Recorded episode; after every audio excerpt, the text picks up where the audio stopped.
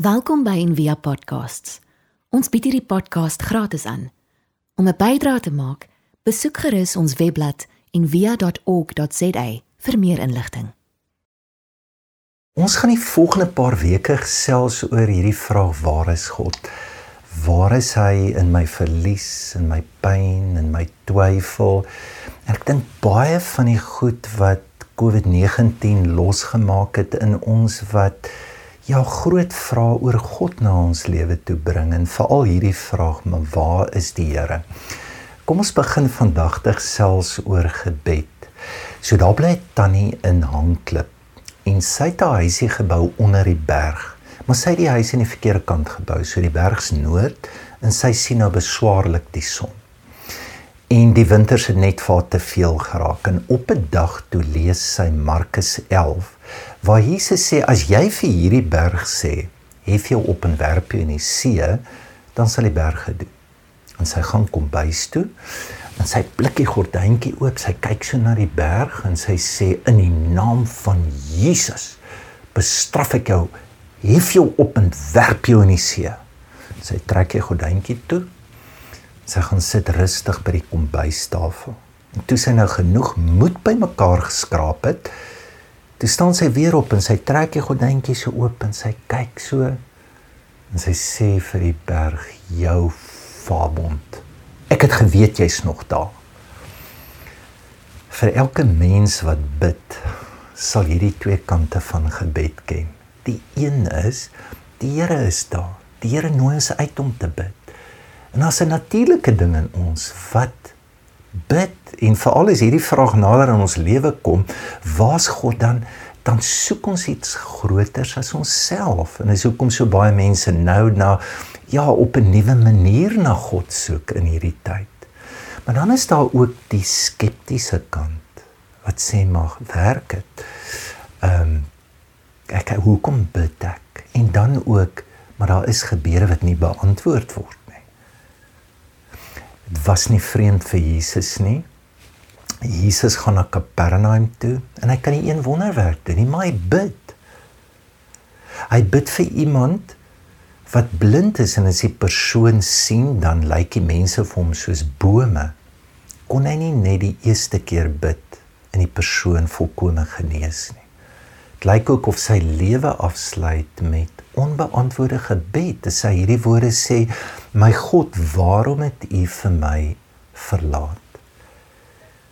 Dit was al die karakters in die Bybel en die Bybel is eerlik genoeg om vir ons 'n venster te gee op hulle lewe dat almal se lewe het na hierdie vraag toe gekom: "Maar waar is God?" Nou dink vir 'n oomblik net aan Paulus. Hy het 60% van die Nuwe Testament geskryf.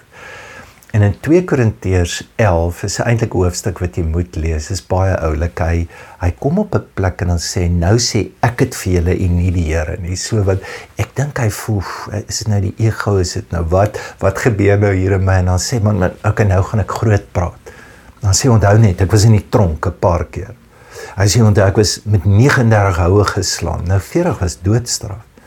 Hy sê en ek was gestenig en ek het skibreek gehad en ek was honger en ek was naak en dan gaan hy net so aan en dan moet jy eintlik vra hoorie man waar was die Here in dit? Het hy nie gebid nie? Maar aan die einde van die hoofstuk dan sê hy o so terloops as ek roem dan roem ek in my swakheid. Dat die vraag waar is God was was nooit dit waarom Paulus sy verstaan van God eens gebou het nie maar dat hy iets ontdek het in hierdie vraag en hy het nie vasgehaak by daai vraag maar daar was iets wat hom gehelp het en hom verder gevat het in sy verstaan en ook sy ervaring van God. Ek dink wat baie kan help is as ons die vraag net eers antwoord maar wat is gebed? En ook met 'n behoorlike definisie van gebed kan begin. En ek dink dis ook waarmee die disippels gesukkel het. Ek dink hulle was baie soos ons. Hulle soek eerder 'n Aladdin God. So dis soos 'n lampie en ek moet hom net vryf. En as ek kom reg vryf dan verskyn God. En ons God daar vir my om my te dien en ek gee my lysie vir hom en hy hy gehoorsaam eintlik vir my. Ehm um, en dan natuurlik in die kerk aan beklins so hoe om my lampie te vryf. Daar's 'n charismatiese manier, daar's 'n kontemplatiewe manier, daar's 'n gereformeerde manier en en en almal wil wil hulle God bewys van dis hoe hy werk. Jesus in Matteus 6 is hy nou lering gee oor aan sê the world is full of so-called prayer warriors 6 vers 7 who are prayer ignorant they are full of formulas programs and advice peddling techniques for getting what they want from God don't fall for that nonsense. Ons het 'n geneigtheid. Daar's iets in ons wat eerder dit meganies wil maak. So ek glo daaroor. Dis hoe ek bid. Ehm um, maar maar God is selfs groter as ons gebed. Ek dink 'n ander kruis wat nie net die disippels gedra het nie, maar wat ek en jy dra, is die twee gedeeltes in ons wat bid. En daar ook 'n sterk behoefte is in van die ego wat wil bid en wat wil goed lyk in gebed.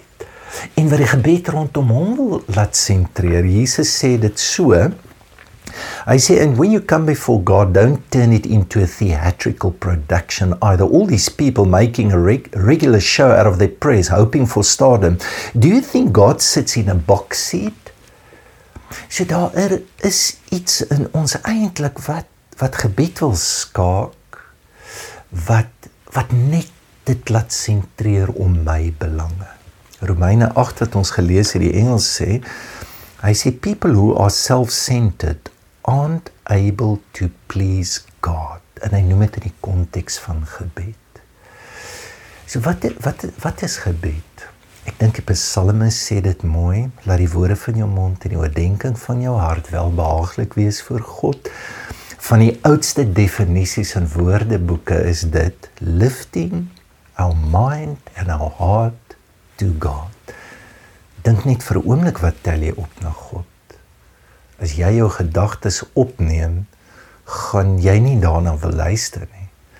Daar gaan gedagtes wees van enorme selfgesentreerdheid, maar ook van enorme liefde en 'n behoefte om te leef vir iets groters as jouself.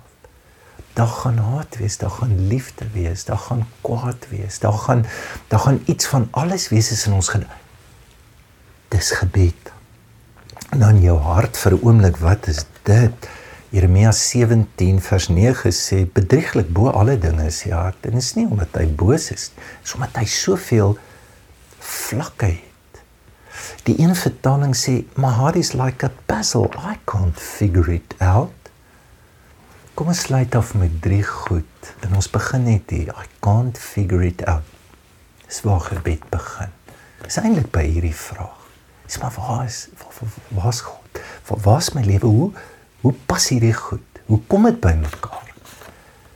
Tereg ons weet nie hoe om te bid nie, sê vers vers 26. En om te sê ek gee my my denke, my hart tel ek nou op na God toe. Dit kom nie natuurlik nie. Dis nie 'n natuurlike instink nie. Hoekom? Ons wil net dit optel wat wat nice is. En ons dink gebed is om die regte goed te sê dat God kan antwoord. Ons dink gebed is om goed te sê waarvan God hou en dan hoor hy ons. Dis presies nie dit nie. Dit is om te bring net wie hy is en ek ek dink meer as jy die psalms lees is meer gevoel. Is meer wat die binnekant is. Is nie wat ek dink en ons dink nie. Ons kan nie met ons koppe. Ons ons kan met ons koppe bid en en dit kan ons help. Maar ons kop met ons help dat ons harte kan inskop. In jou hart is wat jy voel, is die diep gevoelens van jou lewe en as jy verveeld is, dit is wat jy bid. As daar kwaad is, is daar woede is, is dit wat jy bid. As daar angs is, onsekerheid is, is dit wat jy bid. En ongelukkig kerk het mense gehelp om jy moet vroom wees en jy bid uit jou vroomheid en jy bid uit regheid en dan dan ons hierdie woorde o oh, hulle o oh, hy bid hom so mooi.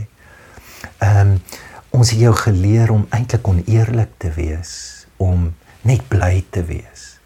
Daar's 'n dieper uitnodigings. Daar kan die psalms ons help. Die psalms is soos 'n soos 'n keyboard en en al die letters van die alfabet te stap. Jy en al die woorde, staan die mooi woorde en die lelike woorde. Ehm um, alles alles is daar en op 'n manier word dit die psalms is gebede. Dit help ons om dit te bid. Nou Ronald Rolheiser sê the central rule for prayer is to simply show up. Snie wat jy dink nie is jy met alles wat jy is om dit voor God te bring. Dit bring my by die tweede ding om by God te wees met alles wie jy is. As Romeine 8 sê en God wat harte deurgrond weet wat die bedoeling van die Gees is. Om daar te wees, om by God te wees met alles wie jy is, is die hoogste vorm van gebed. En Henry Nouwen sê dit so is gebed is converting our unceasing thinking. En dink net bietjie hoe unceasing is dit? En wat se gemors is dit?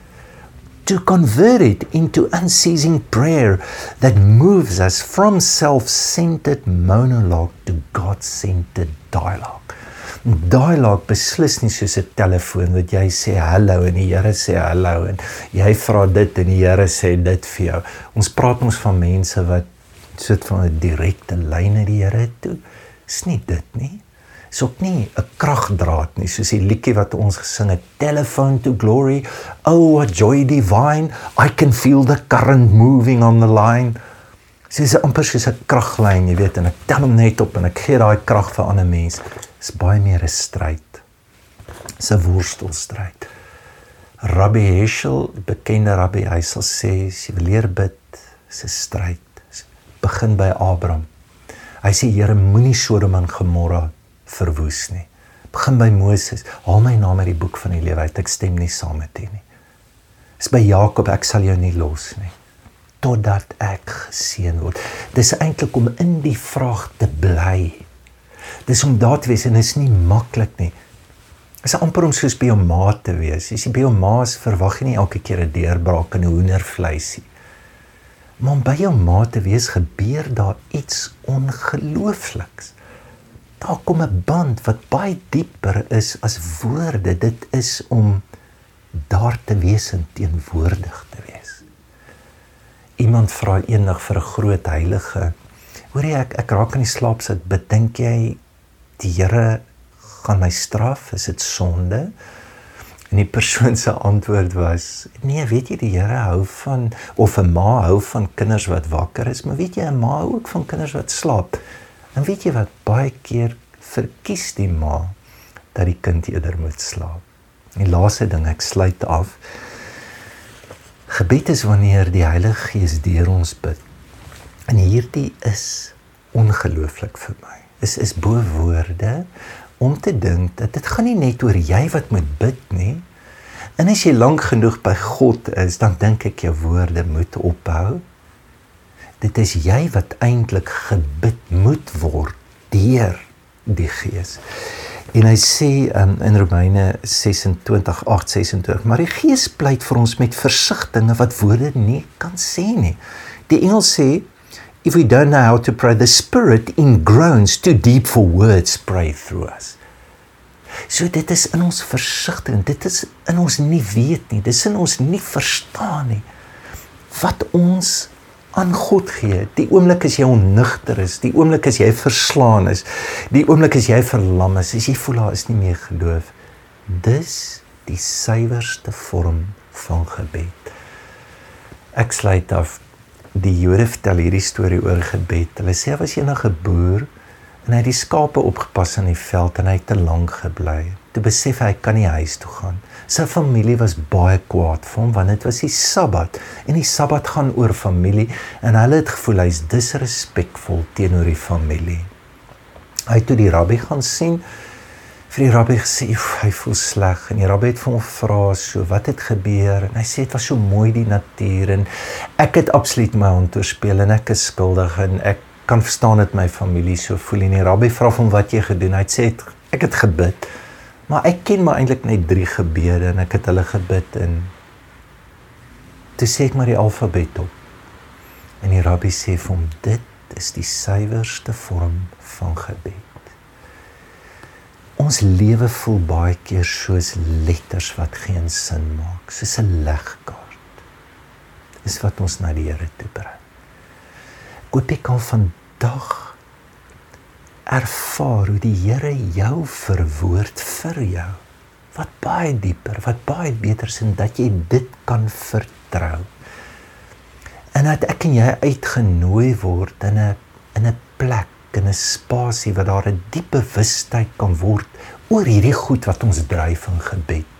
Oor ons tegnieke oor ons reg bid oor ons selfgefokusdheid en om selfs dit oor te kan gee. In 'n plek waar ons kan rus wat ek dink baie keer die Here ook voel is Peter het jy slaap en ek is daar vir jou